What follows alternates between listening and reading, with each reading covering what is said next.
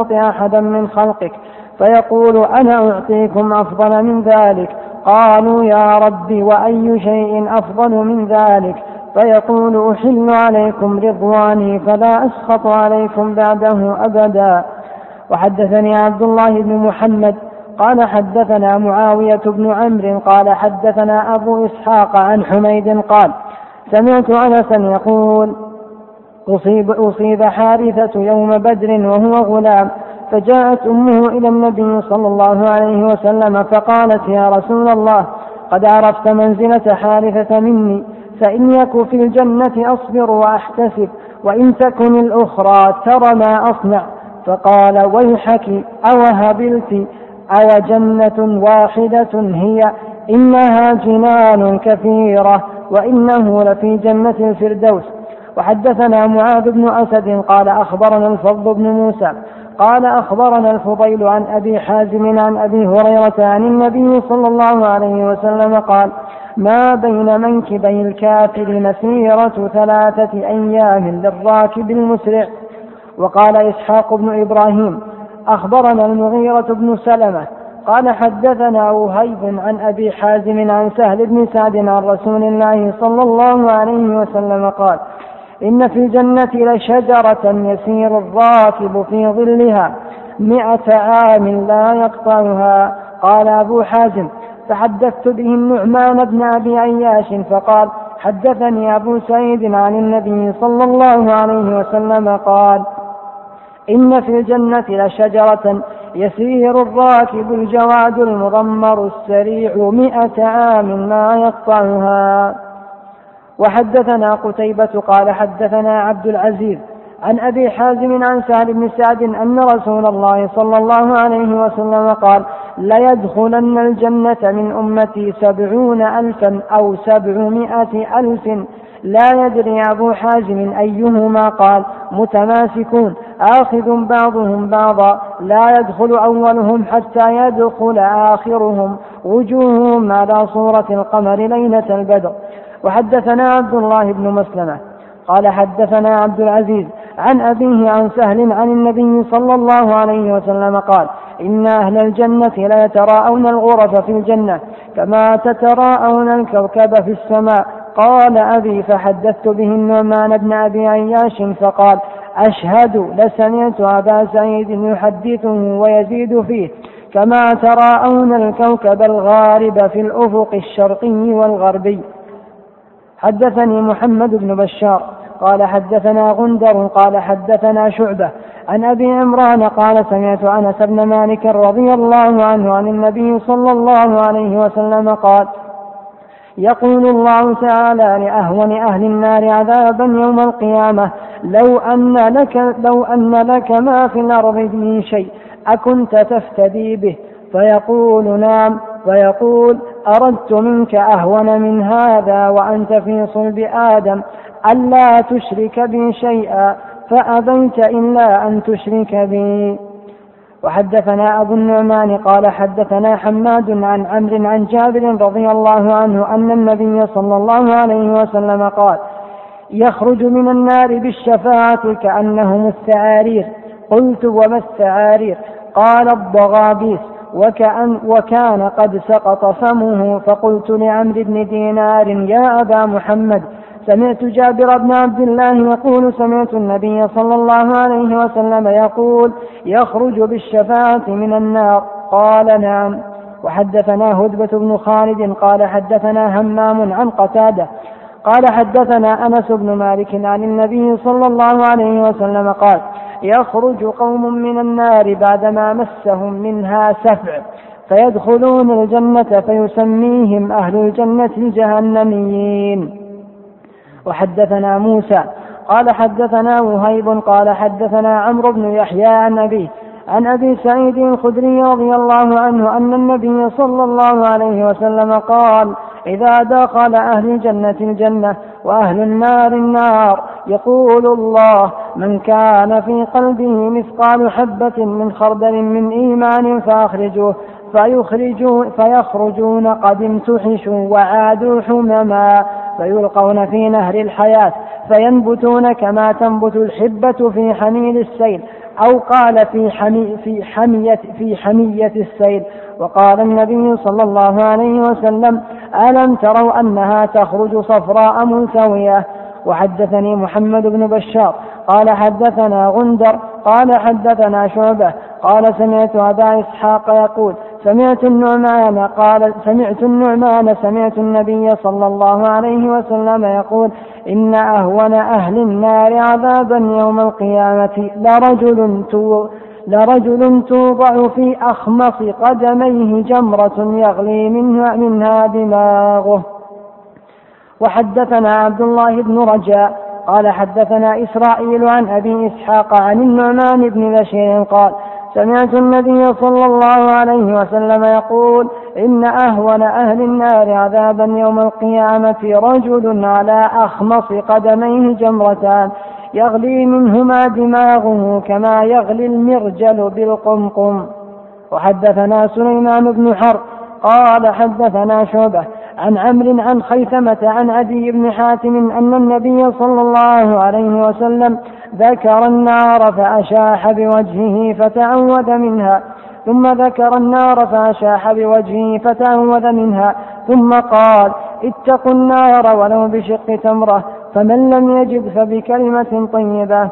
حدثنا إبراهيم بن حمزة قال حدثنا ابن أبي حازم والدراوردي عن يزيد والدراوردي عن يزيد عن عبد الله بن خباب عن أبي سعيد الخدري رضي الله عنه أنه سمع رسول الله صلى الله عليه وسلم وذكر عنده عمه أبو طالب فقال لعله تنفعه شفاعة يوم القيامة فيجعل في ضحضاح من النار يبلغ كعبيه يغلي منه أم يغلي منه أم أم يغلي منه أم دماغه. وحدثنا مسدد قال حدثنا أبو عوانة عن قتادة عن أنس رضي الله عنه قال قال رسول الله صلى الله عليه وسلم يجمع الله الناس يوم القيامة فيقولون لو استشفعنا على ربنا حتى يريحنا من مكاننا. فيأتون آدم فيقولون أنت الذي خلقك الله بيده ونفخ فيك من روحه وأمر الملائكة فسجدوا لك فاشفع لنا عند ربنا فيقول لست هناكم ويذكر خطيئته ويقول ائتوا نوحا أول رسول بعثه الله فيأتونه فيقول لست هناكم ويذكر خطيئته ائتوا إبراهيم الذي اتخذه الله خليلا فيأتونه فيقول لست هناكم ويذكر خطيئته ائتوا موسى الذي كلمه الله فيأتونه فيقول لست هناكم فيذكر خطيئته. ائتوا عيسى فيأتونه فيقول لست هناكم. ائتوا محمدا صلى الله عليه وسلم فقد غفر له ما تقدم من ذنبه وما تأخر. فيأتوني فأستأذن على ربي فإذا رأيته وقع وقعت ساجدا فيدعني فيدعني ما شاء الله ثم يقال لي ارفع رأسك سل تعطه وقل يسمع واشفع تشفى فأرفع رأسي فأحمد ربي بتحميد يعلمني ثم أشفع في فيحد لي حدا ثم أخرجهم من النار.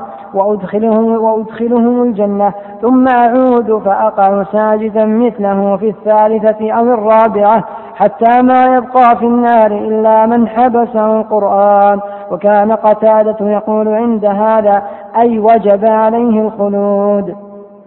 وحدثنا مسدد قال حدثنا يحيى عن الحسن بن ذكوان قال حدثنا أبو رجاء قال حدثنا عمران بن حصين رضي الله عنهما عن النبي صلى الله عليه وسلم قال يخرج قوم من النار بشفاعة محمد صلى الله عليه وسلم فيدخلون الجنة يسمون الجهنميين. وحدثنا قتيبة قال حدثنا إسماعيل بن جعفر عن حميد عن أنس أن أم حارثة أتت رسول الله صلى الله عليه وسلم وقد هلك حارثة يوم بدر أصابه غرب أصابه غرب سهم فقالت يا رسول الله قد علمت موقع حارثة من قلبي فإن كان في الجنة لم أبك عليه وإلا سوف ترى الله وإلا سوف ترى ما أصنع. فقال لها هبلت أجنة واحدة هي إنها جنان كثيرة وإنه لفي الفردوس الأعلى. وقال غدوة في سبيل الله أو روحة خير من الدنيا وما فيها ولقاب قوس أحدكم أو موضع قدم من الجنة خير من الدنيا وما فيها. ولو أن امرأة من نساء أهل الجنة ولو أن امرأة من نساء أهل الجنة اطلعت إلى الأرض لأضاءت ما بينهما ولملأت ما بينهما ريحا ولنصيفها يعني الخمار. خير من الدنيا وما فيها. وحدثنا أبو اليمان قال أخبرنا شعيب قال حدثنا أبو الزناد عن الأعرج عن أبي هريرة عن أبي هريرة قال النبي صلى الله عليه وسلم لا يدخل أحد الجنة إلا أري مقعده من النار لو أساء. لا يدخل أحد الجنة إلا أري مقعده من النار لو أساء ليزداد شكرا. ولا يدخل النار أحد إلا أري مقعده من الجنة لو أحسن ليكون عليه حسرة. وحدثنا قتيبة بن سعيد قال حدثنا إسماعيل بن جعفر عن عمرو عن سعيد عن سعيد بن أبي سعيد المقبري عن أبي هريرة رضي الله عنه أنه قال قلت يا رسول الله من أسعد الناس بشفاعتك يوم القيامة؟ فقال لقد ظننت يا أبا هريرة أن لا يسألني عن هذا الحديث أو أحد أول منك.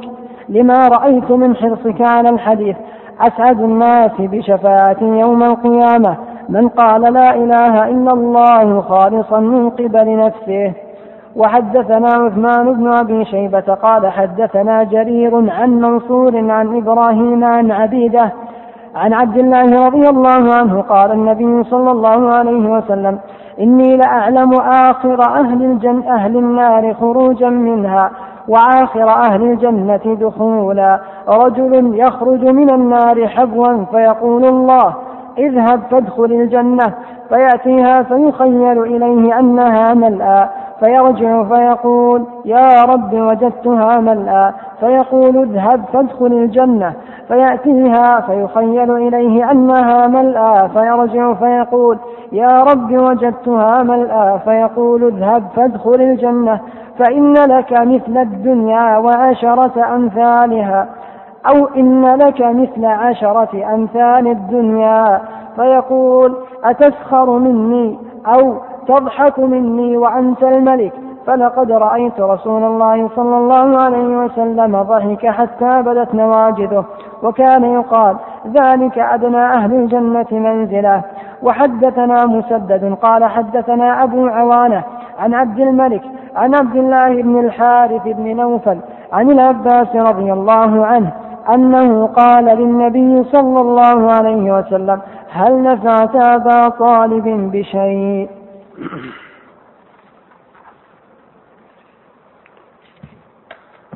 الحمد لله رب العالمين وصلى الله وسلم وبارك على عبده ورسوله نبينا محمد وعلى آله وصحبه أجمعين. ذكر المؤلف رحمه الله تعالى في هذا الباب في باب صفة الجنة والنار أحاديث كثيرة لها علاقة بالجنة والنار يؤخذ منها شيء من أوصاف هاتين الدارين داري الجزاء. داري الجزاء. الجنة. دار جزاء الموحدين. والنار. دار الجزاء بالنسبة للمخالفين. يقول رحمه الله تعالى باب صفة الجنة والنار. وقال أبو سعيد قال النبي صلى الله عليه وسلم أول طعام يأكله أهل الجنة زيادة كبد حوت. تقدم لنا في درس مضى أنهم يأكلون من زيادة كبد بالام ونون وأنه يأكل منهما سبعون ألفا. نزل نزل يعني ما يعد للضيف زيادة كبد الحوت أول طعام يأكله أهل الجنة.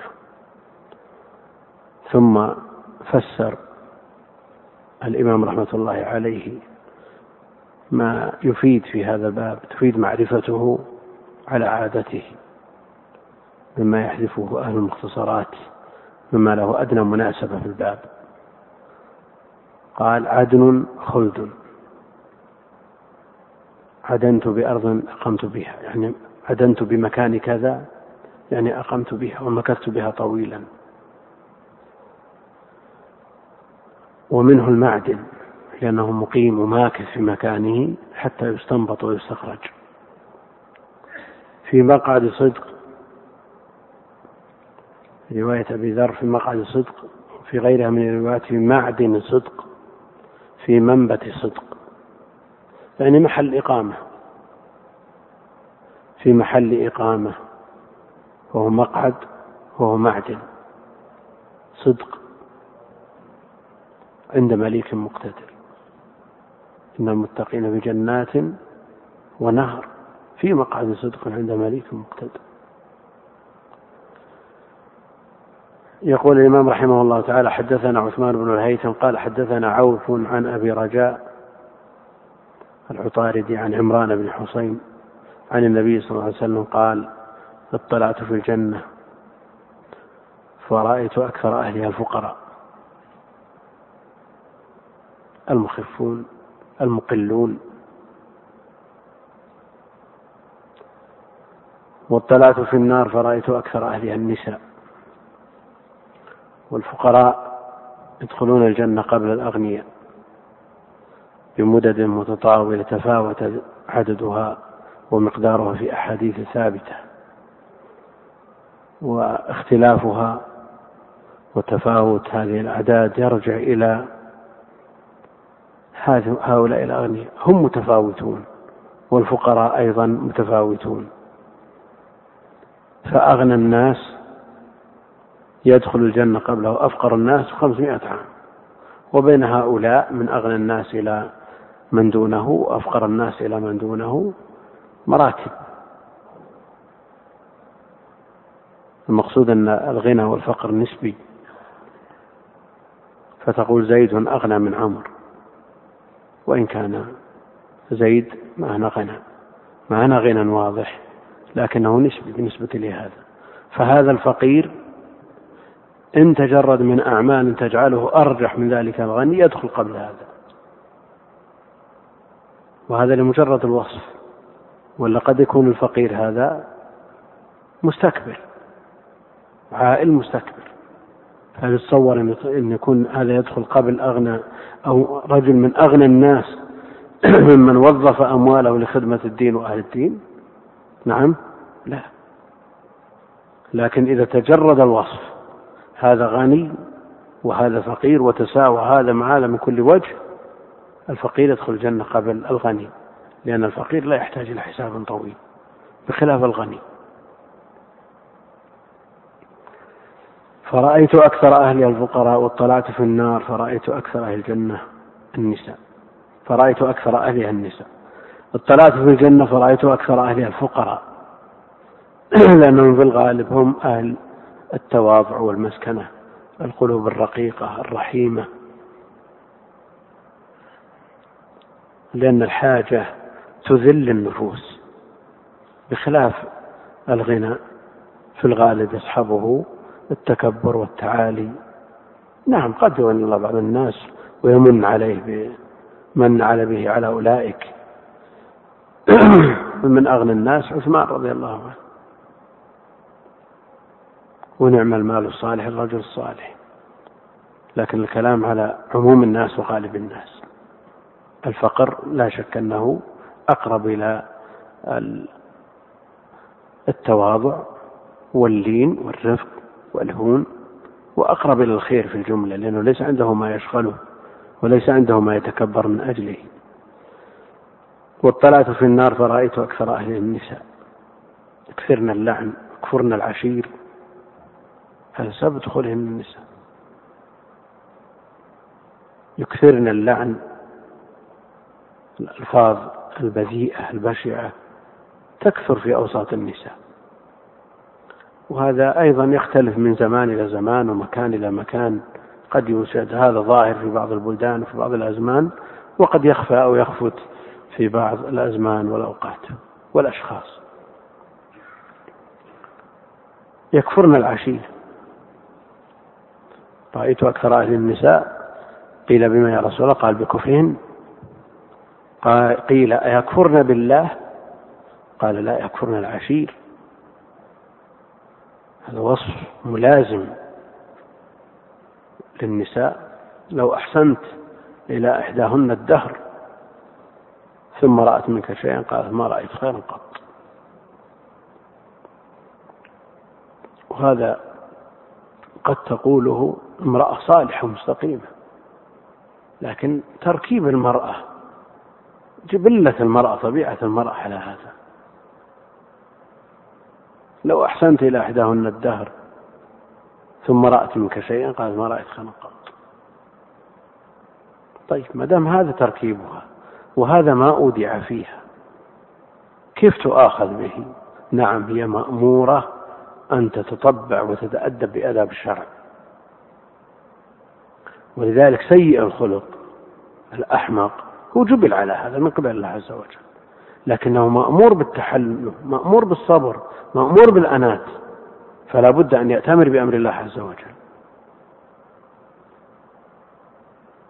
لكن إن حاول وجاهد نفسه وفعل ثم فلت منه شيء لا يستطيع رده ثم ندم عليه ما له أثر.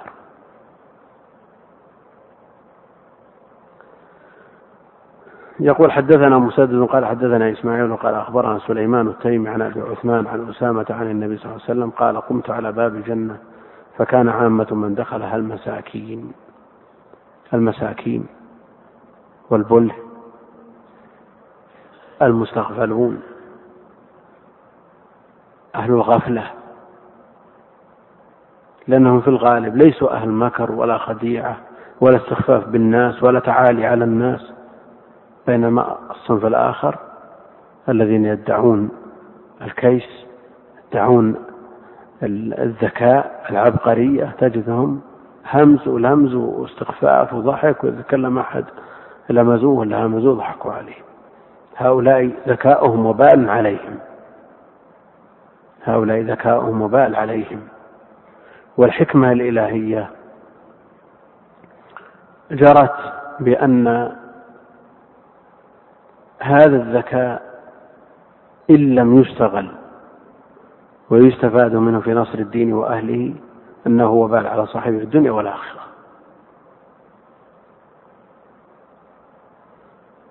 يعني تجد من الناس من إذا حضر المجالس مجالس البيع والشراء والصفقات وكذا ينعس. وأحد لا أبدا حاط ذهنه. وقلمه بيده ومنتبه من من يجلسون ينتهون ثم بعد ذلك النتيجة. لا شيء. والثاني يتيسر له من الصفقات ما يبلغ هذا شيء مشاهد. نعرف جمع من هذا النوع. في مجالس البيع والشراء والتجارات الكبيرة والصفقات ينام. ثم إذا انتهت النتيجة لا. هذا الذكي العبقري يدقر عند أدنى شيء. يخشى يخسر وهذا كبر الله. شره شرين ولا بعد نصيبك. فالذكاء لا شك أنه نعمة لكن كسائر النعم. إن استغلت واستعملت فيما يرضي الله عز وجل واستعملت لنصر الدين وإعلاء شأن الدين نعمة. لكن قد تستعمل وهذا يستعمل كثير من الناس تجد ذكي وعبقري ولبق ويستطيع أن ما يفوت شيء ما يضحك عليه لكن ثم النتيجة تلقاه يضحك على الناس يسخر من هذا وهذا مغفل وهذا فيه هذا ما فيه. صار وبال عليه. بينما هذا الغافل المغفل يمكن أن يغتاب وهو في المجلس. يغتاب جمع من الحاضرين وفي المجلس ما يدري شو يقولون هذه نعمة. هذه وين ظنها الناس في مقاييسهم إنه مسكين وأبله؟ ووجد من هذا النوع من من رزق الرزق الواسع من هذا النوع.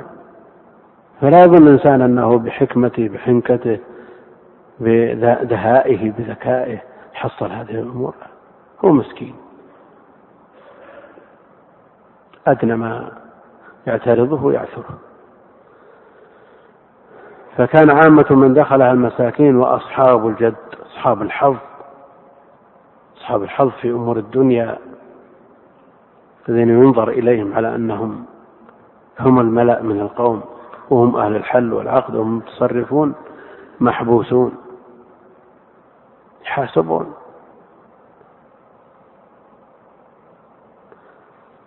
غير أن أصحاب النار قد أمر بهم إلى النار. هؤلاء أهلها الذين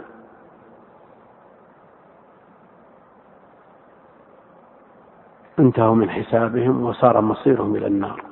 هؤلاء أمر بهم وأما أصحاب الجد الذين لم يتبين أمرهم لا إلى الجنة وإلى النار محبوسون. حتى يتم حسابهم.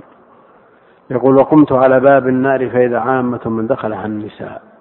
لما ذكر في الحديث السابق. حدثنا معاذ ابن أسد قال أخبرنا عبد الله قال أخبرنا عمر بن محمد بن زيد عن أبيه أنه حدثه عن ابن عمر قال قال رسول الله صلى الله عليه وسلم إذا صار أهل الجنة إلى الجنة وأهل النار إلى النار جيء بالموت على هيئة كبش يؤتى به حتى يجعل بين الجنة والنار ثم يذبح. خلاص هذا ملك الموت انتهى. إذا لا موت. ثم يذبح ثم ينادي منادي. يا أهل الجنة لا موت. خلود. أبدي سرمدي. في النعيم المقيم. ويا أهل النار لا موت. ثم إذا قيل هذا الكلام والناس خائفون وجلون يزداد أهل الجنة فرح وطمأنينة إلى فرحهم. ويزداد أهل النار نسأل الله السلامة والعافية حزنا إلى حزنهم. لأنهم كانوا يأملون لعل وعسى لعل. الرحمة الواسعة التي وسعت كل شيء لعلها تدرك. ثم إذا قيل لهم خلود بلا موت أيسوا وقنطوا ثم قال رحمه الله تعالى حدثنا معاذ بن أسد قال أخبرنا عبد الله قال أخبرنا مالك بن أنس عن زيد بن أسلم عن عطاء بن يسار عن أبي سعيد الخدري قال قال رسول الله صلى الله عليه وسلم إن الله يقول لأهل الجنة يا أهل الجنة. فيقولون لبيك ربنا وسعديك. فيقول هل رضيتم؟ هل رضيتم؟ باشروا النعيم وتلذذوا بما منحوا في هذه الجنة التي فيها ما لا عين رأت ولا أذن سمعت ولا خطر على قلب بشر. وأدنى أهل من الجنة منزلة وليس فيهم دني. من يعطى ملك أو عشرة أمثال ملك أعظم ملك في الدنيا.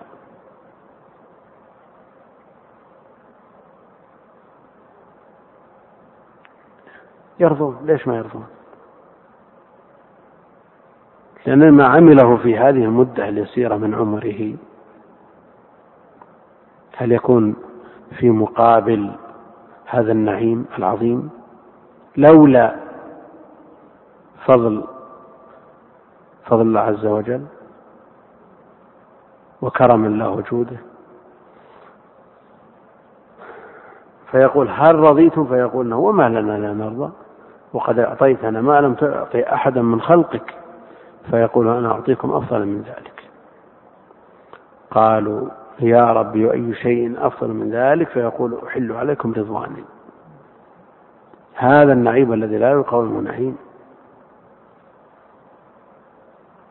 أعظم ما يتلذذ به أهل الجنة. رضا الرب جل وعلا وما يترتب على ذلك من رؤيته في الآخرة. أعظم نعيم بها الجنة الرؤية. والناس يتفاوتون فيها. منهم من يراه غدوة وعشية على الإنسان أن يحرص على الأسباب التي تيسر له هذا الأمر وتمكنه من هذا الأمر. جاء في الحديث صلاة الصبح وصلاة العصر. تحث عليهما. أيضا يرونه في كل جمعة. وقربهم منه في هذا المقام كما جاء في الحديث وإن كان عاد فيه مقال لأهل العلم حسب قربهم من الإمام يوم الجمعة. قرب بقرب والمباعد مثله بعد ببعد حكمة الديان.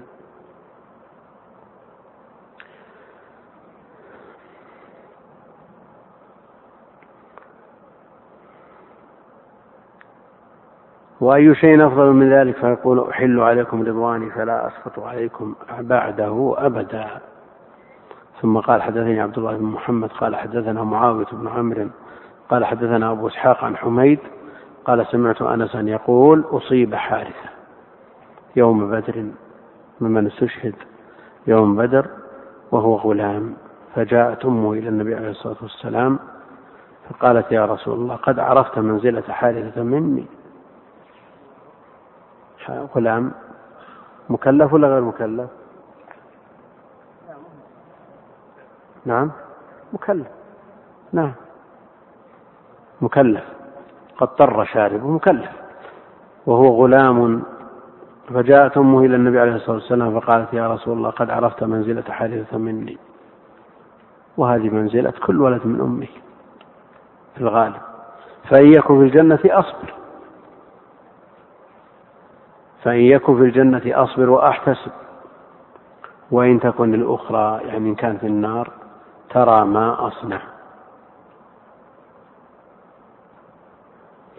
ترى ما أصنع فقال ويحك أو هبلت أو جنة واحدة هي؟ إنها جنان جنان كثيرة. وإنه لفي جنة الفردوس. أين موقع الفردوس؟ نعم سقفها عرش الرحمن. أعلى الجنة. وإنه لفي, لفي جنة لا في جنة الفردوس.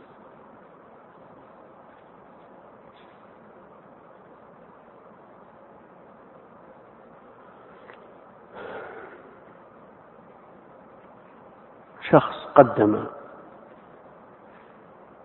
نفسه وبذل مهجته لله عز وجل في هذا السن في مقتبل العمر.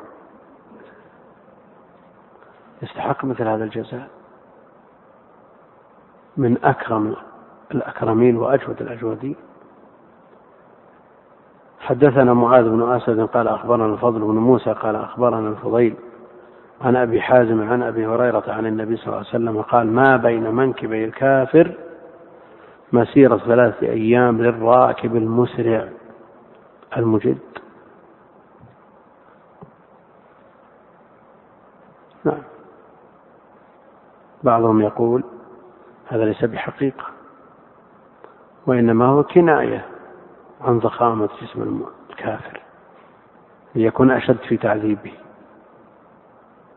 ليكون أشد في تعذيبه لكن ما الذي يمنع من الحقيقة؟ والقدرة الإلهية. لا يقف دونها شيء. كما جاء في ضرس الكافر وناب الكافر وغلظ جلده وما أشبه ذلك. وقال إسحاق بن إبراهيم أخبرنا المغيرة بن سلمة قال حدثنا وهيب عن أبي حازم عن سالم بن سعد عن رسول الله صلى الله عليه وسلم قال إن في الجنة شجرة يسير الراكب في ظلها مئة عام لا يقطعها هذه شجرة. اسمها طوبى. يسير الراكب في ظلها مئة عام لا يقطع.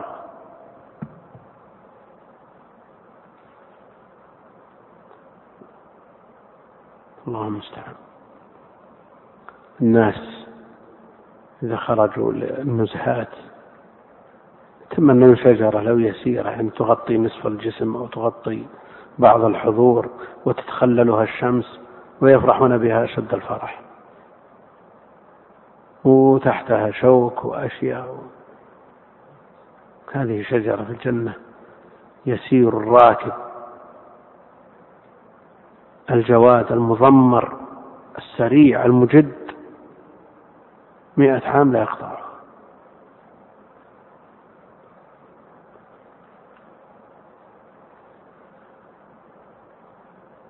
جنة عرضها السماوات والأرض.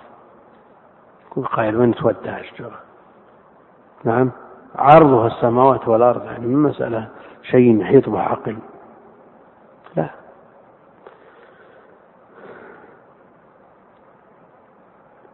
ومثله ما قال قال أبو حازم حدثت به النعمان بن أبي عياش فقال حدثني أبو سعيد عن النبي عليه الصلاة والسلام قال إن في الجنة لشجرة يسير الراكب جواد المضمر السريع مئة عام ما يقطعها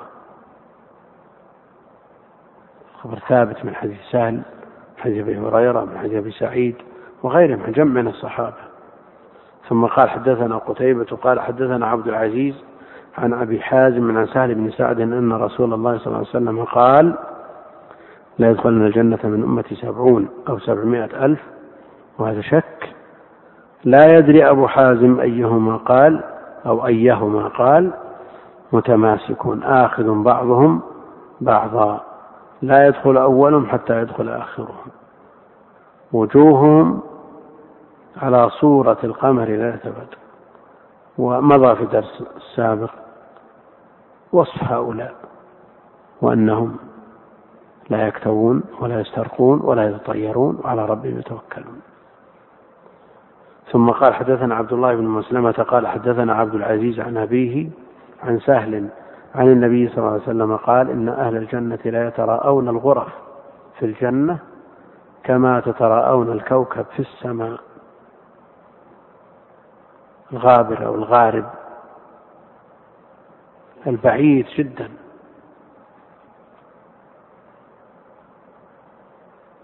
الغرف فيها غرف وفيها خيام.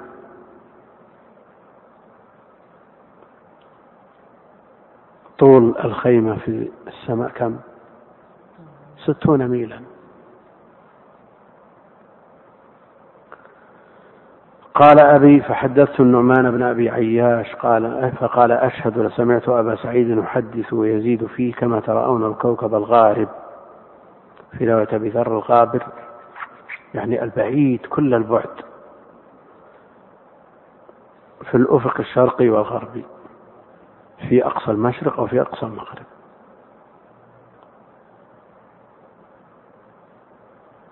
في أماكن بعيدة كل البعد. عن رؤية بعض أهل الجنة. فالجنة درجات. الجنة درجات. والناس فيها متفاوتون. يتفاوتون تفاوتا بينا. ولولا أن الله جل وعلا نزع ما في قلوبهم من غل وغيره إتماما لنعيمهم.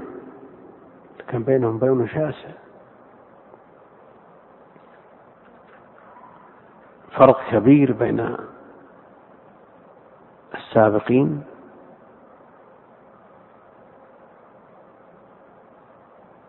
السابقون السابقون.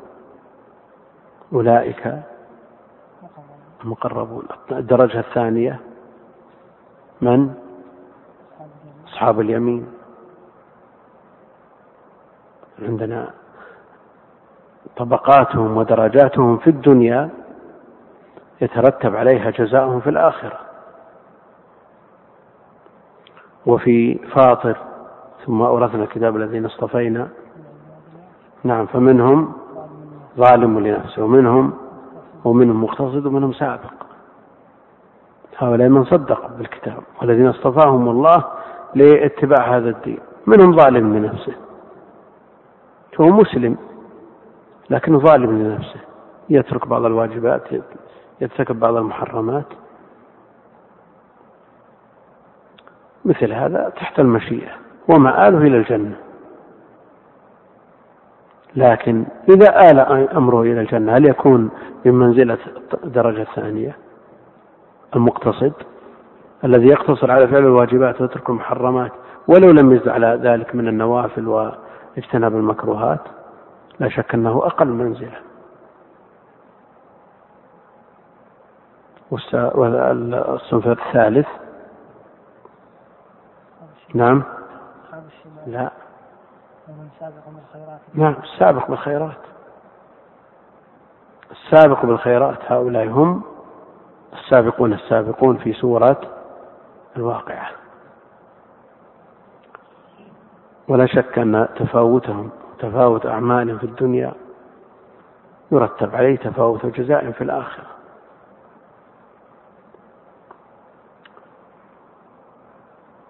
قد يوجد من هو أقل عمل ويرفع فوق من هو أكثر منه عملا وأجود وأكثر إخلاص. لا على سبيل الاستقلال وإنما يرفع تبعا لغيره.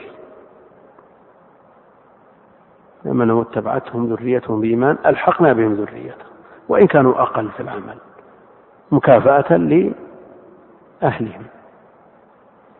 زوجات النبي عليه الصلاة والسلام معه في المنزلة. وإن كان أبو بكر وعمر أفضل من زوجات النبي عليه الصلاة والسلام. هل يقول أحد بأن عائشة أفضل من أبيها؟ لا ما يمكن. ومع ذلك عائشة مع النبي عليه الصلاة والسلام في منزلته تابعا لا استقلالا. وأبو بكر في منزلته اللائقة به مع الذين أنعم الله عليهم. من إيش؟ نعم من النبيين والصديقين والشهداء والصالحين. درجات.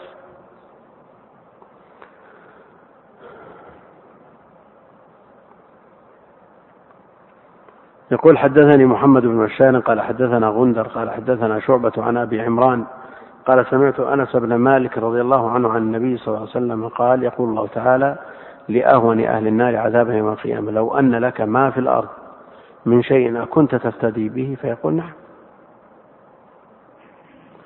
فيقول أردت منك أهون من ذلك من هذا. لا يطلب منك الدين أن تنخلع من جميع مالك.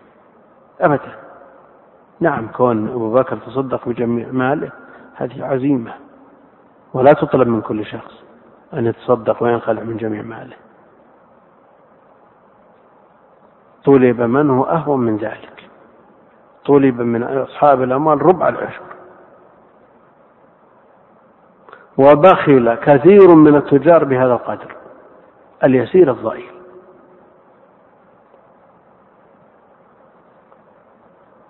هذا يفتدي نفسه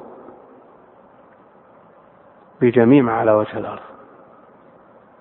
فيقال له أردت, أردت منك أهون من ذلك وأنت في صلب آدم ألا تشرك بي شيئا.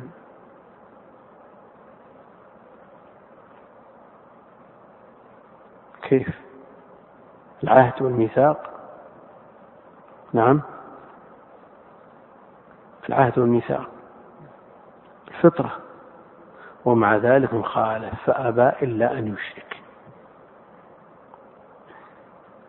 ثم قال حدثنا أبو النعمان قال حدثنا حماد عن عمرو عن جابر رضي الله عنه أن النبي صلى الله عليه وسلم قال يخرج من النار بالشفاعة. كأنهم الثعارير. قلت وما الثعارير؟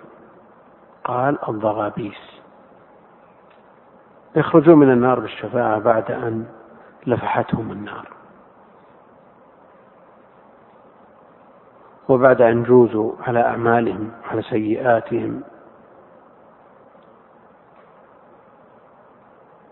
وقد كان وكان قد سقط فمه. إيش معنى سقط فمه؟ سقطت أسنانه. فقلت لعمرو بن دينار أبا محمد سمعت جابر بن عبد الله يقول سمعت النبي صلى الله عليه وسلم يقول يخرج بالشفاعة من قال يعني تأكد تثبت من الحديث. هل سمعته بالفعل من جابر؟ أو سمعته من أحد يذكره عن جابر؟ فيتثبت من رواية الخبر وأنه سمعه من جابر. المقصود أن من من الموحدين من يدخل النار بسبب كبائر ارتكبها أو واجبات تركها ثم مآله بعد ذلك إلى الجنة. ما لم يستحل ما ارتكبه من كبيرة. ويبينه الحديث التي بعده. حدثنا هدبة بن خالد قال حدثنا همام عن قتادة حدثنا أنس بن مالك عن النبي صلى الله عليه وسلم قال يخرج قوم من النار بعدما مسهم منها سفع لفح. فيدخلون الجنة فيسميهم أهل الجنة الجهنميين. نسبة إلى جهنم لأنهم دخلوها. والتسمية تكون في العادة لأدنى مناسبة. تكون لأدنى مناسبة وهؤلاء دخلوا جهنم فسموا الجهنميين. وإذا دخلوا الجنة لا شك أن مثل هذه التسمية هل تؤثر في نفوسهم؟ الأصل نعم. الأصل. قيل واحد جهنم. ما يرضى أن ينسب ولا إلى مهنته. وإن كانت حقيقة واقعة إذا كانت المهنة وضيعة.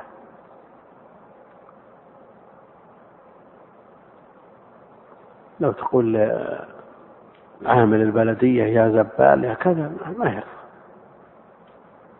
وهي مهنته. لكن الله سبحانه وتعالى وإن كانوا يسمونهم الجهنميين لمجرد التمييز فالله سبحانه وتعالى يسلب ما في هذا الاسم من غضاضة عليهم. حدثنا موسى قال حدثنا وهيب قال حدثنا عمرو بن يحيى عن أبيه عن أبي سعيد الخدري رضي الله عنه أن النبي صلى الله عليه وسلم قال إذا دخل أهل الجنة الجنة وأهل النار النار يقول الله من كان في قلبه مثقال حبة من خردل من إيمان. فأخرجوه. أدنى مقدار من الإيمان. فيخرجون قد امتحشوا أحرقتهم النار. وعادوا حمما فحم. فيلقون في نهر الحياة. فينبتون كما تنبت الحبة. في حميل السيل. أو قال حمية السيل. وقال النبي عليه الصلاة والسلام ألو تروا أنها تنبت صفراء ملتوية على جانب الوادي تنبت. ضعيفة صفراء ملتوية. فقيل له عليه الصلاة والسلام كأنك من أهل البادية تصف هذه الأمور الدقيقة. هذا الوحي لو لم يرى. عليه الصلاة والسلام. فهؤلاء إذا أخرجوا من النار حمم فحم امتحشوا يلقون في نهر الحياة. فينبتون فيه ينبت عليهم لحمهم وعظامهم من جديد. ينبتون كما تنبت الحبة في حميل السيل. والنار تأكل كل شيء عدا موضع السجود. عدا موضع السجود. ثم قال حدثني محمد بن بشار قال حدثنا غندر حدثنا شعبة قال سمعت أبا إسحاق قال سمعت النعمان يقول سمعت النبي صلى الله عليه وسلم يقول إن أهون أهل النار عذابا يوم القيامة لرجل توضع في أخمص قدميه جمرة يغلي منها دماغه. جمرة.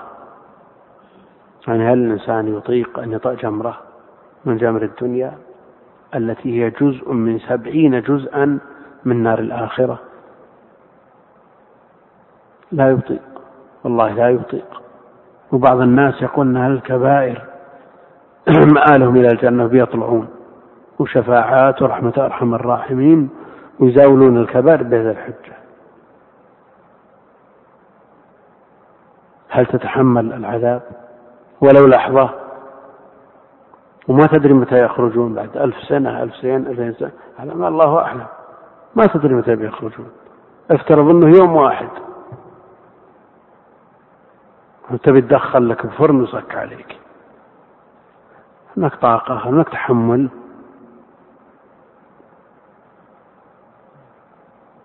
يعني ما في هذا مستمسك لمن يسترسل في شهواته وارتكاب منكراته وجرائمه ويقول سهل ما ألنا إلى الجنة.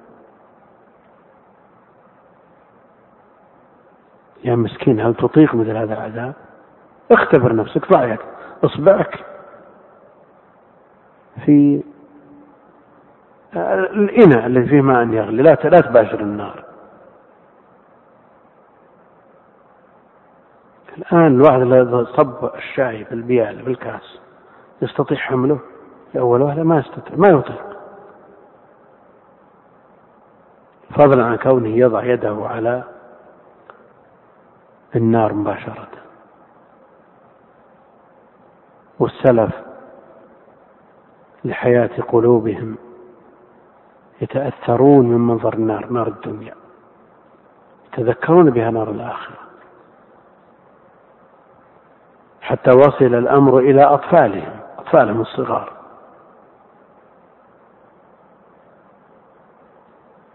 طفل صغير سنوات ثلاثة وأربعة وخمس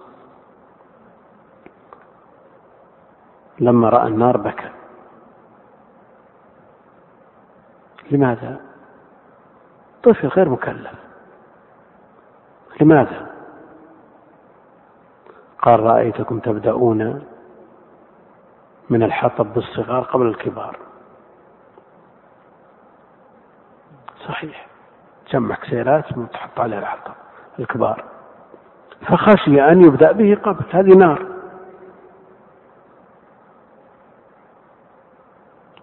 تربية تصنع مثل هذا. لكن وش يربون عليها الآن أطفال المسلمين؟ وش تربيهم على الآلات والقنوات على إيش؟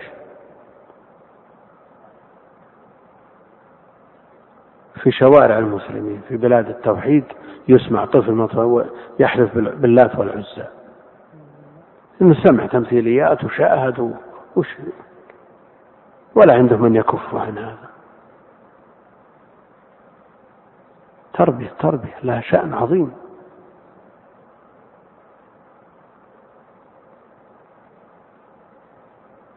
والآن أطفال المسلمين عندهم ملكة قوية للحفظ والفهم والإدراك وتفتقت أذهانهم ومعارفهم ومع ذلك تسألهم عن يسألون بل يجيبون بدون سؤال عن اللاعبين وهذا فلان وهذا علان وهذا اللي حقق الهدف الفلاني وهذا شو بعدين؟ أو أسماء السيارات وموديلاتها إذا مرت سيارة هذه كذا. يعرفون. فضلا عاد عن المفسدين من فنانين وغيرهم. وهذا ينظر إلى النار طفل يبكي. وأراكم تبدأون بصغار الحطب قبل كباره.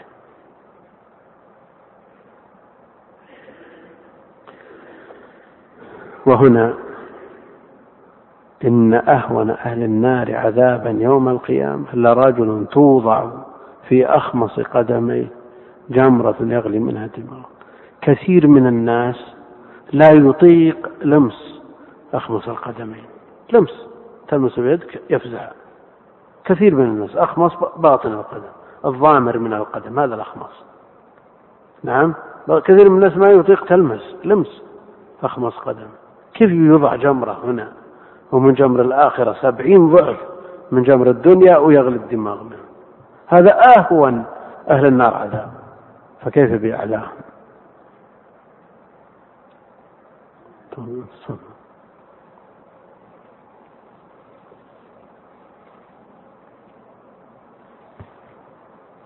نكمل الباب بعد الصلاة إن شاء الله اللي قبل الصلاة وبعدها وغدا إن شاء الله نكمل بقية الباب اللي معنا صفة الذي قرئ يكمل اليوم وما يليه من أبواب غدا إن شاء الله. تعالى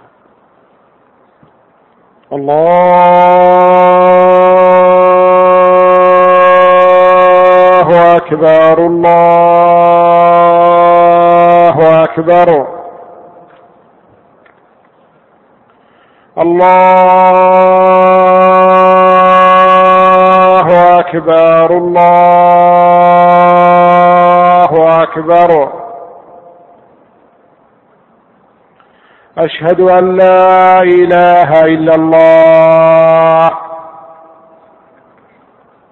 أشهد أن لا إله إلا الله. أشهد أن محمدا رسول الله. أشهد أن محمدا رسول الله. حي على الصلاة.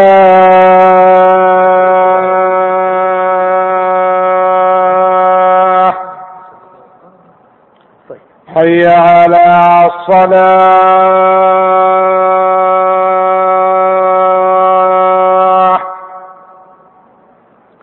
حي على الفلاح.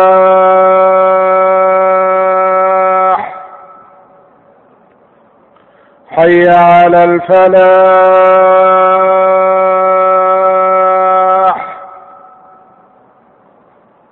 الله أكبر الله أكبر. لا إله إلا الله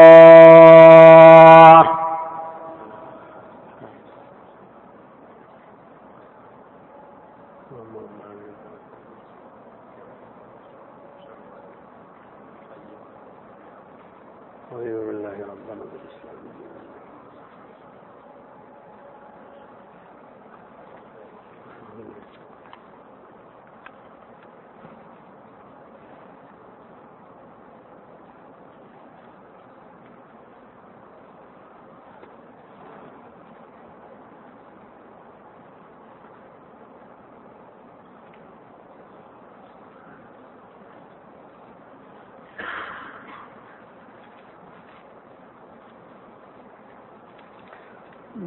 هذا يطلب يقول جعل الدرسين غدا العصر والمغرب إذا أمكن وذلك لبعد المسافة علينا. وهذا مثله يقول لو جعلتم درسا يوم غد بعد العصر وبعد المغرب ذلك لظروفنا. هو لو جلسنا العصر كله أنهينا. إذا كان يشق على بعضهم مجيء الظهر فيكون العصر كامل وينتهي. لأن هذا السؤالين متشابهين لا ما أدري يا أخوان إحنا ظروفهم إيش رأيكم؟ لما يقول لو لو جعلنا الدرسين غدا العصر والمغرب إذا أمكن لبعد المسافة. وهذا ما يقول نفسه.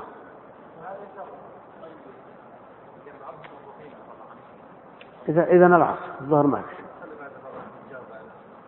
لا هو سردناه كله قبل الإنسان. سامحتونا طيب. إن شاء الله أنسى ما يكون له خير. هذا يقول يقول ما توجيهكم للأولاد الذين يسهرون الليل ولا يقومون لصلاة الفجر إلا بالزعل والمشقة ولا يلحقون إلا بعض الصلاة لأنهم لا يخرجون للصلاة إلا سامعين الإقامة. للصلاة بعد أرشدنا وفقك الله ما يعاملون بهم مسألة السهر مشكلة يعني. لا شك أنها مشكلة تحتاج إلى علاج جذري يشمل الناس كلهم. وإلا الناس يتذرعون ويتعللون بأن الليل أنفع للجلوس وأمتع والنهار حر وفيه طول ولا بد أن يقطع بشيء من النوم. المقصود أن مثل هذا متى يكون أثره؟ أثره إذا كان يعوق عن أداء الواجبات. لا شك أنه وبال إذا كان الإنسان بيسهر هذه الليالي القصيرة ثم إذا بقي على الفجر نص ساعة نام وما قام إلا العصر أو ضيع صلاة الفجر على أقل الأحوال هذا وبال هذا لابد من علاج. لكن من سهر السهر لا يقال بتحريمه. السهر لا يقال بتحريمه إلا إذا أدى إلى ترك واجب أو ارتكاب محظور.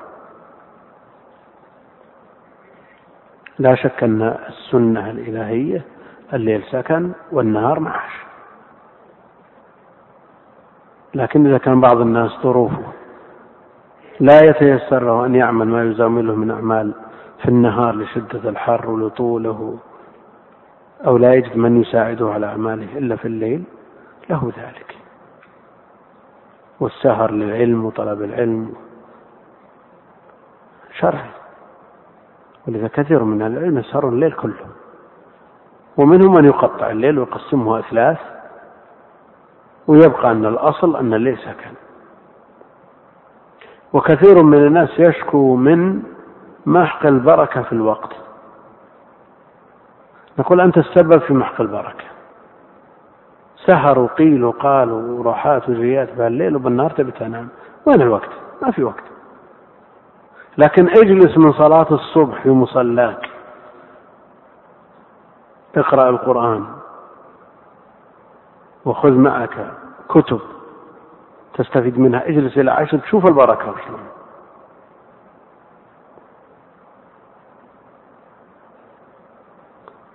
لا شك أنك سوف تقرأ في هذه المدة من صلاة الصبح إلى الساعة عشر ما لم تقرأه في شهر. هذا مؤكد. لأنك في الشهر تسوي؟ بالليل تبي تسهر وبالنهار تبي تنام. ولا خلق ولا شيء ابدا فتحت كتاب طبقته ولا رن التلفون ولا شيء. لكن من صلاة الصبح إلى عشر من بيجيك؟ جالس في المسجد تطالع وتقرأ وتحرر وتحفظ إن كان هناك حفظ. شوف البركة. شيء مجرب يا أخوان. ساعتين ثلاث من أول النهار تعدل النهار كله. وإذا قال قال الناس بركة ما بركة. فيه البركة موجودة نعم. الأخبار التي تدل على تقارب الزمان بسبب محق البركات لا شك أنه هذا يحكي واقع الناس واقع من فعل هذا. لكن من تعرض للبركات حصلت له. لو الإنسان يصلي الصبح ويجلس في المصلى يصطحب كتبه معه وأعماله معه ويجلس إلى عشر تسع خلاص. ما عليه ما فعل بعد ذلك. يعني من المباحات. فلا شك أن السهر الذي يؤدي إلى ترك الواجبات أو ارتكاب محرمات هذا محرم.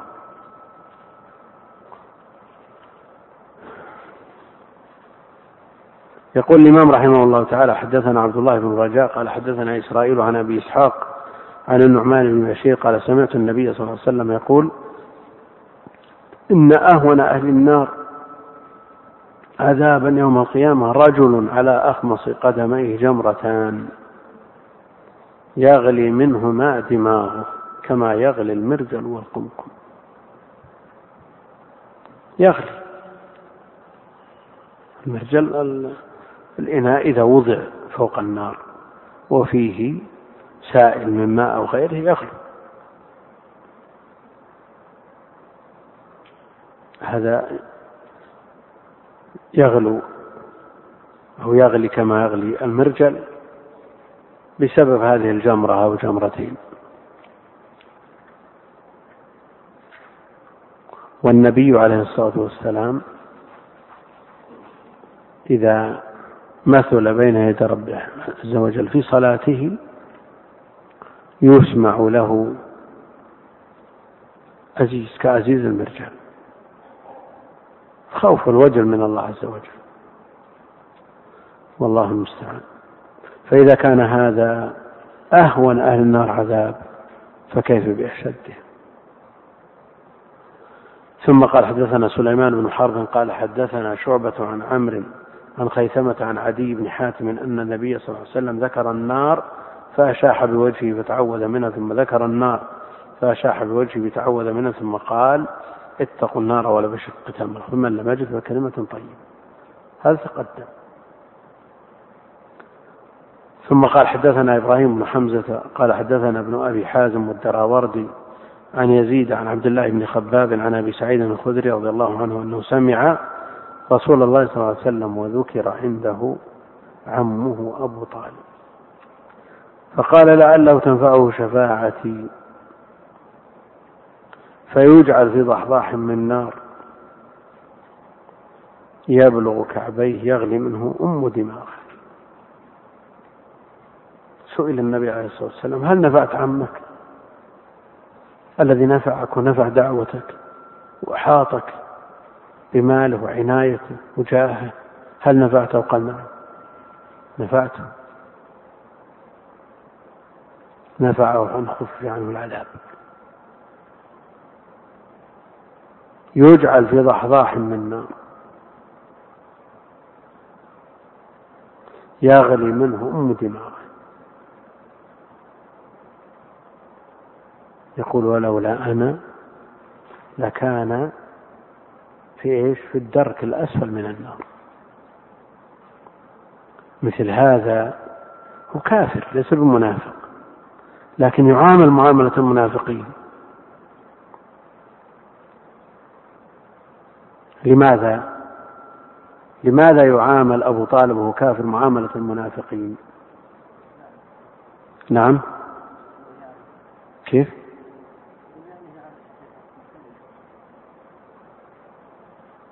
لكن أبو طالب كافر بلا شك. والنبي عليه الصلاة والسلام يقول ولولا أنا لكان في الدرك الأسفل من النار.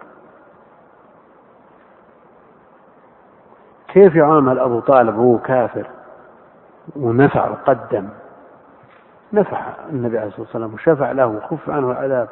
لولا النبي عليه الصلاة والسلام وهو في وضعه لكان في الدرك الأسفل من النار. لولا هذه الشفاعة. والدرك الأسفل من النار معروف للمنافقين. نعم. صحيح. نعم. قامت عليه الحجة بأجلى صورها. يعني ما يمكن أن أن يستمر على كفره. وقد تبين له الإسلام. وعرف أن الإسلام خير الأديان. وما صده عن ذلك إلا شيء. لا يستحق الذكر. وقد علمت بأن دين محمد من خير أديان البرية دينا. لولا المذمة أو حذار مسبة لوجدتني سمحا بذاك مبينا. هذا عذر. نعم إذا عذر شخص لبس عليه ما بلغه دعوة. بلغته دعوة مشوشة لكن هذا لولا هذه الشفاعة لكان في الدرك الأسفل من النار. ثم قال حدثنا مسدد قال حدثنا أبو عوانة عن قتادة عن أنس رضي الله عنه قال قال رسول الله صلى الله عليه وسلم يجمع الله الناس يوم القيامة فيقول لو استشفعنا على ربنا حتى يريحنا من مكاننا فيأتون آدم عليه السلام أبو البشر فيقولون أنت الذي خلقك الله بيده ونفخك في ونفخ فيك من روح وأمر الملائكة فسجدوا لك. مناقب. فسجدوا لك فاشفع لنا عند ربك فيقول لست هناكم ويذكر خطيئته. خطيئته الأكل من الشجرة التي نهي عن الأكل منها. لكنها خطيئة. بعد التوبة صارت مصيبة. صارت مصيبة. هي خطيئة. عصى آدم ربه فغوى. لكنه تاب. ومن تاب؟ نعم. نعم التوبة تجب ما قبله لماذا لا يقال إن هذه المصيبة بعد التوبة انقلبت حسنات فصارت من مناقبه؟ ما صارت خطيئة؟ نعم.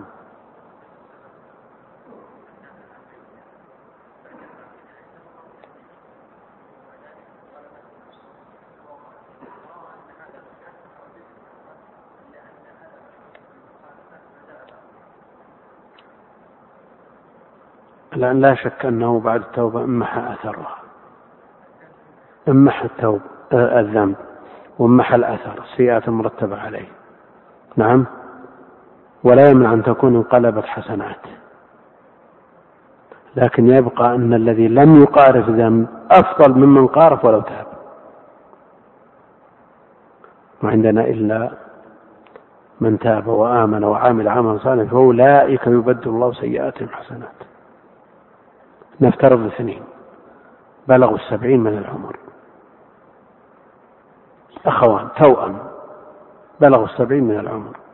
هذا مسرف في المعاصي والجرائم والمنكرات وهذا مطيع تقي عابد منذ أنشأ من أن نشأ وليست له صبوة. لما بلغ السبعين تاب هذا فبدلت سيئات وحسنات.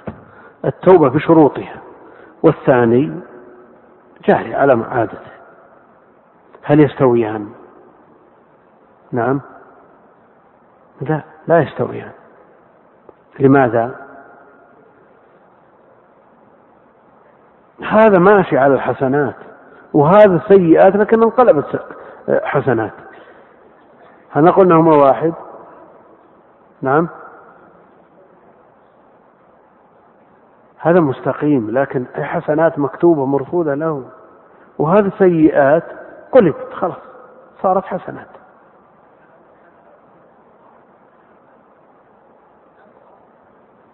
نعم. نعم.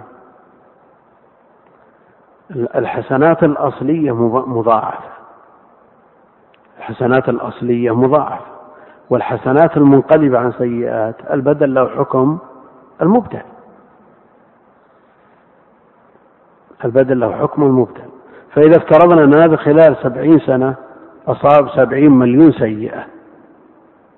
وذاك أصاب سبعين مليون هذا التقريب حسنة. هذا الحسنة بعشر أمثالها وهذا انقلبت إلى حسنات هذا صار سبعمائة مليون وهذا سبع, سبع مليون. هذا اللائق بالعدل الإلهي وإن كان الفضل فوق ذلك. ولذا شيخ الإسلام رحمه الله يميل إلى أن الحسنات المنقلبة عن سيئات مضاعفة أيضا. فيبقى أثرها نعم انقلبت حسنة وتبقى خطيئة. تحز في النفس إذا ذكرت. نعم. ويذكر خطيئته ويقول ائتوا نوحا. أول رسول بعثه الله. أول رسول نوح. إذا آدم. رسول ولا نبي؟ نبي.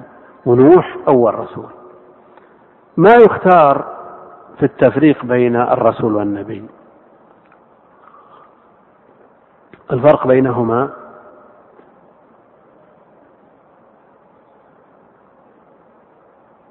النبي أوحي إليه بشرع ولم يؤمر بالتبليغ. والثاني أوحي إليه الرسول. وأمر بالتبليغ. هذا كلام الأكثر هذا كلام الجمهور نعم.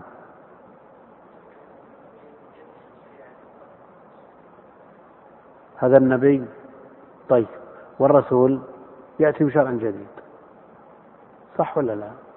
هذا اختيار شيخ الإسلام. وش يرد عليه؟ يرد عليه اللي عندنا. يرد عليه آدم. هو مجدد شريعة من؟ وهو نبي ليس برسول. ويرد عليه عيسى. مجدد شريعة موسى ورسول.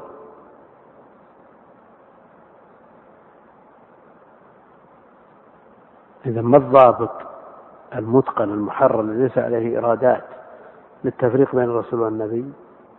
ها؟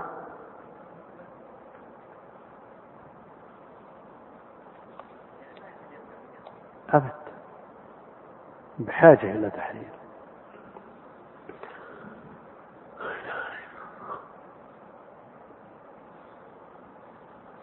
ائتوا نوحا أول رسول بعثه الله فيأتونه فيقول لست هناكم ويذكر خطيئته خطيئة نوح إيش؟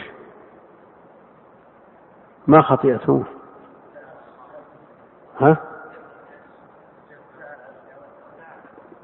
تعجل تعجل دعوته فدعا بها على قومه وهذه وإن كانت خلاف الأولى إلا أنها بالنسبة لمقام هؤلاء تعد إيش خطيئة مو مستفيض عند أهل العلم أن حسنات الأبرار سيئات المقربين. نعم. هذه حسنة بالنسبة لغيره يدعو على الكفار لكن بالنسبة له خلاف الأولى. الأولى أن يصبر ويحتسب ويستمر معهم إلى أن يوجد من أصلابهم من يعبد الله كما فعل النبي عليه الصلاة والسلام. فيأتون فيقول لست هناكم ثم ويذكر خطيئته ائتوا إبراهيم الذي اتخذه الله خليلا فيأتونه فيقول لست هناكم ويذكر خطيئته. يذكر خطيئته. كذبات الثلاث. وكلها في ذات الله. إني سقيم. هذه أختي. سارة. نعم. فعله كبيرهم. يؤتوا موسى الذي كلمه الله فيأتونه فيقول لست هناكم فيذكر خطيئته. قتله. النفس. يأتوا عيسى فيأتونه فيقول لست هناكم ائتوا محمد. لا يذكر خطيئة عيسى.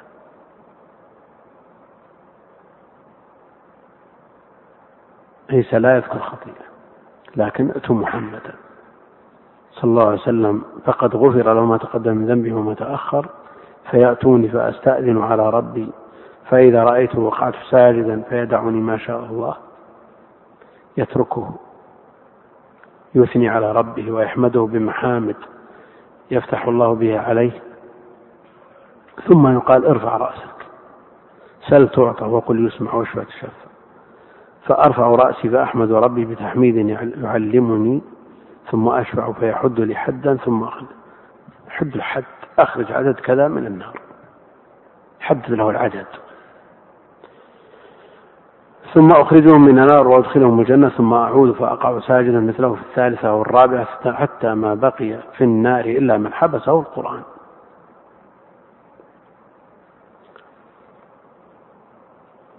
الذين قيل فيهم وما هم منها بمخرجين. يعني من حكم عليه بالخلود تعالى خلاص ما في حيلة خلاص. هذا حكم القرآن عليهم هذا هؤلاء هم الذين حبسهم القرآن وحكم عليهم بالتأبيد. ثم قال حدثنا مسدد قال حدثنا يحيى عن الحسن بن ذكوان قال حدثنا أبو رجاء حدثنا عمران بن حسين رضي الله عنهما عن النبي صلى الله عليه وسلم قال يخرج قوم من النار بشفاعة محمد صلى الله عليه وسلم فيدخل الجنة يسمون جهنميين. هذا تقدم. قال حدثنا قتيبة قال حدثنا إسماعيل بن جعفر عن حميد عن أنس أن أم حارثة أتت رسول الله صلى الله عليه وسلم وقد هلك حارثة يوم بدر أصابه غرب غرب سهم يعني طائش. فقالت يا رسول الله قد علمت موقع حارثة. قد علمت موقع حارثة من قلب ابنها فلذت كبدها. فإن كان في الجنة لم أبكي عليه وإلا سوف ترى ما أصنع. فقال لها أهبلت أجنة واحدة هي جنان إنها جنان. أجنة واحدة هي إنها جنان كثيرة وإنه في الفردوس الأعلى. وهذا تقدم. وقال غدوة في سبيل الله أو روحة خير من الدنيا وما فيها. غدوة في سبيل الله أو روحة يعني في الجهاد. في أول النهار أو في آخره خير من الدنيا وما فيها. الدنيا كلها ما تسوى جناح بعوضة. لا تزن عند الله جناح بعوضة. وهذه الغدوة والروحة خير من الدنيا وما فيها. ولقاب ولقاب قوس أحدكم أو موضع قدم من الجنة خير من الدنيا وما فيها. إذا كيف؟ تفنى الأعمار وتزهق الأرواح. تقطع الأرحام من أجل الدنيا التنافس كله للدنيا. مؤاخاة الناس عامة مؤاخاة الناس صارت من أجل الدنيا. موالاتهم ومعاداتهم من أجل الدنيا. موضع قدم أحدكم من الجنة خير من الدنيا وما فيها. ولو أن امرأة من نساء أهل الجنة طلعت إلى الأرض لأضاءت ما بينهما يعني ما بين جهتيها المشرق والمغرب. أو ما بين السماء والأرض. ولملأت ما بينهما ريحا. ولنصيفها يعني الخمار الذي تغطي به رأسها خير من الدنيا وما فيها. لكن أين من يعتبر؟ أين من يتعظ؟ أين من يعمل؟ حدثنا أبو اليمان قال أخبرنا شعيب قال حدثنا أبو الزناد عن الأعرج عن أبي هريرة قال النبي صلى الله عليه وسلم لا يدخل أحد الجنة إلا أري مقعده من النار. لو أساء ليزداد شكرا. أن إذا دفن في قبره.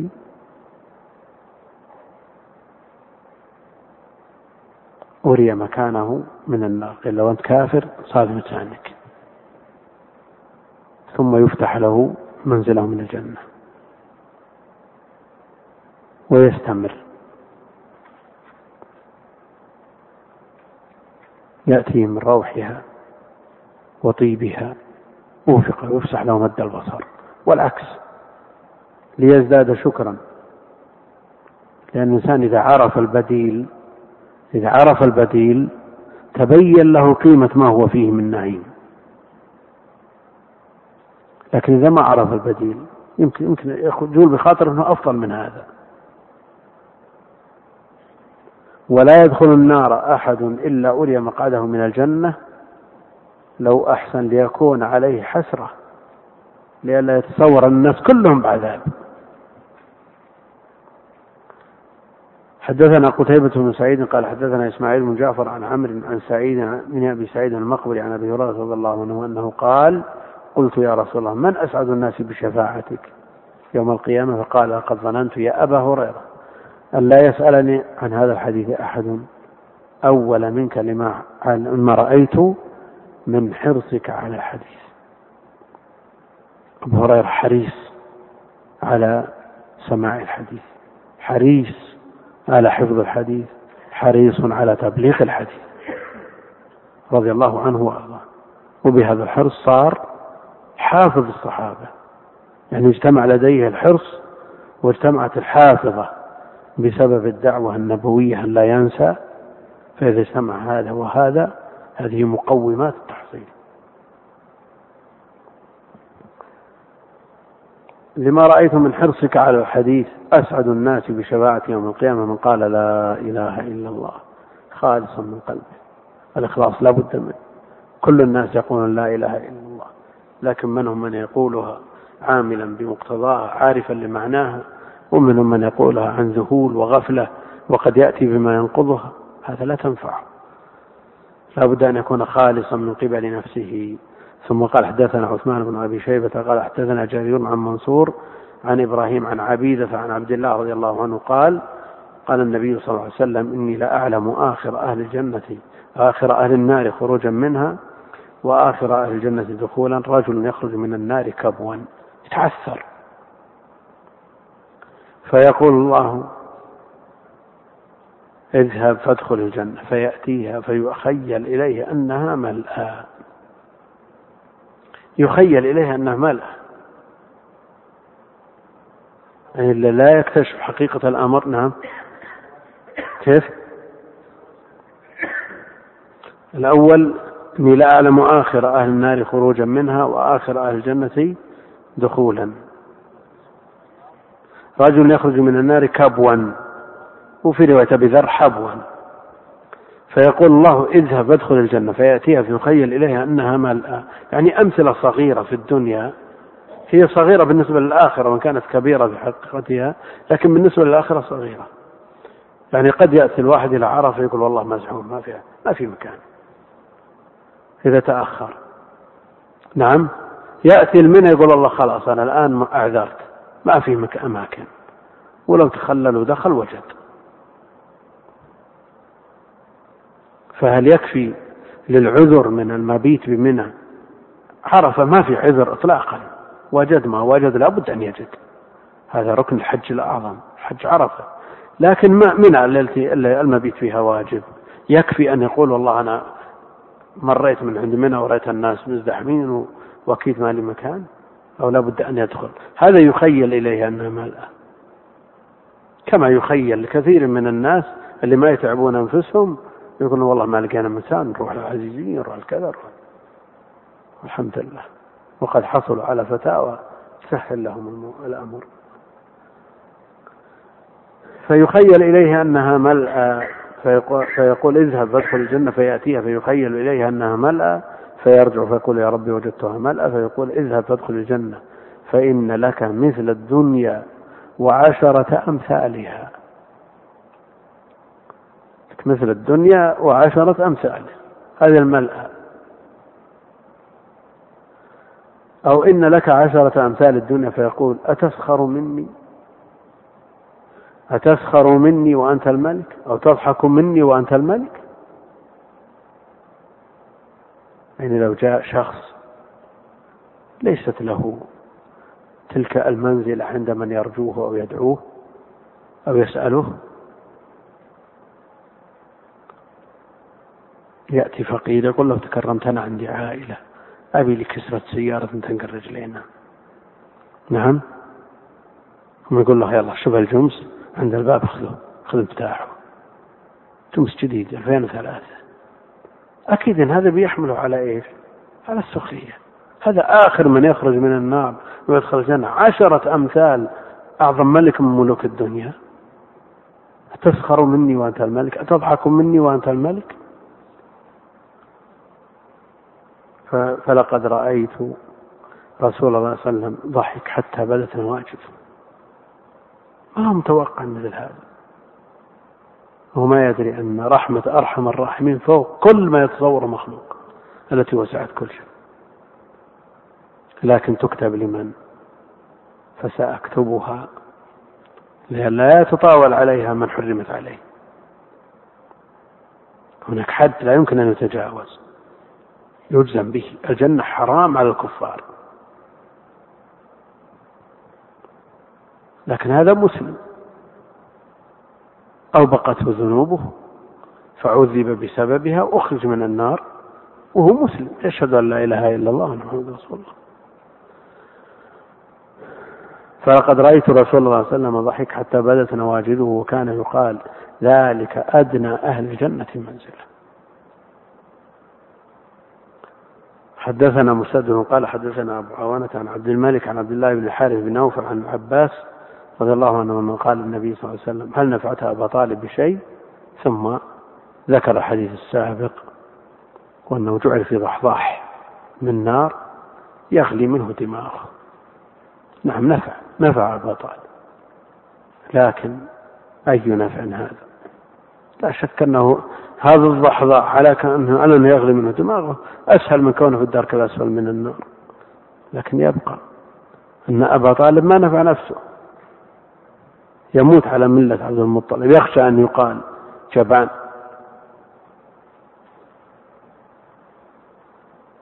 يخشى أن يقال جبان كثير من الناس تأخذه العزة في الإثم فيرتكب المحرمة من هذا الباب. من هذا الباب. يخشى أن يقال للزملاء أنتم شو بكم؟ جاك؟ أثروا عليك سووا له نعم. والله أعلم وصلى الله وسلم وبارك على عبده ورسوله نبينا محمد وعلى آله وصحبه أجمعين. نعم.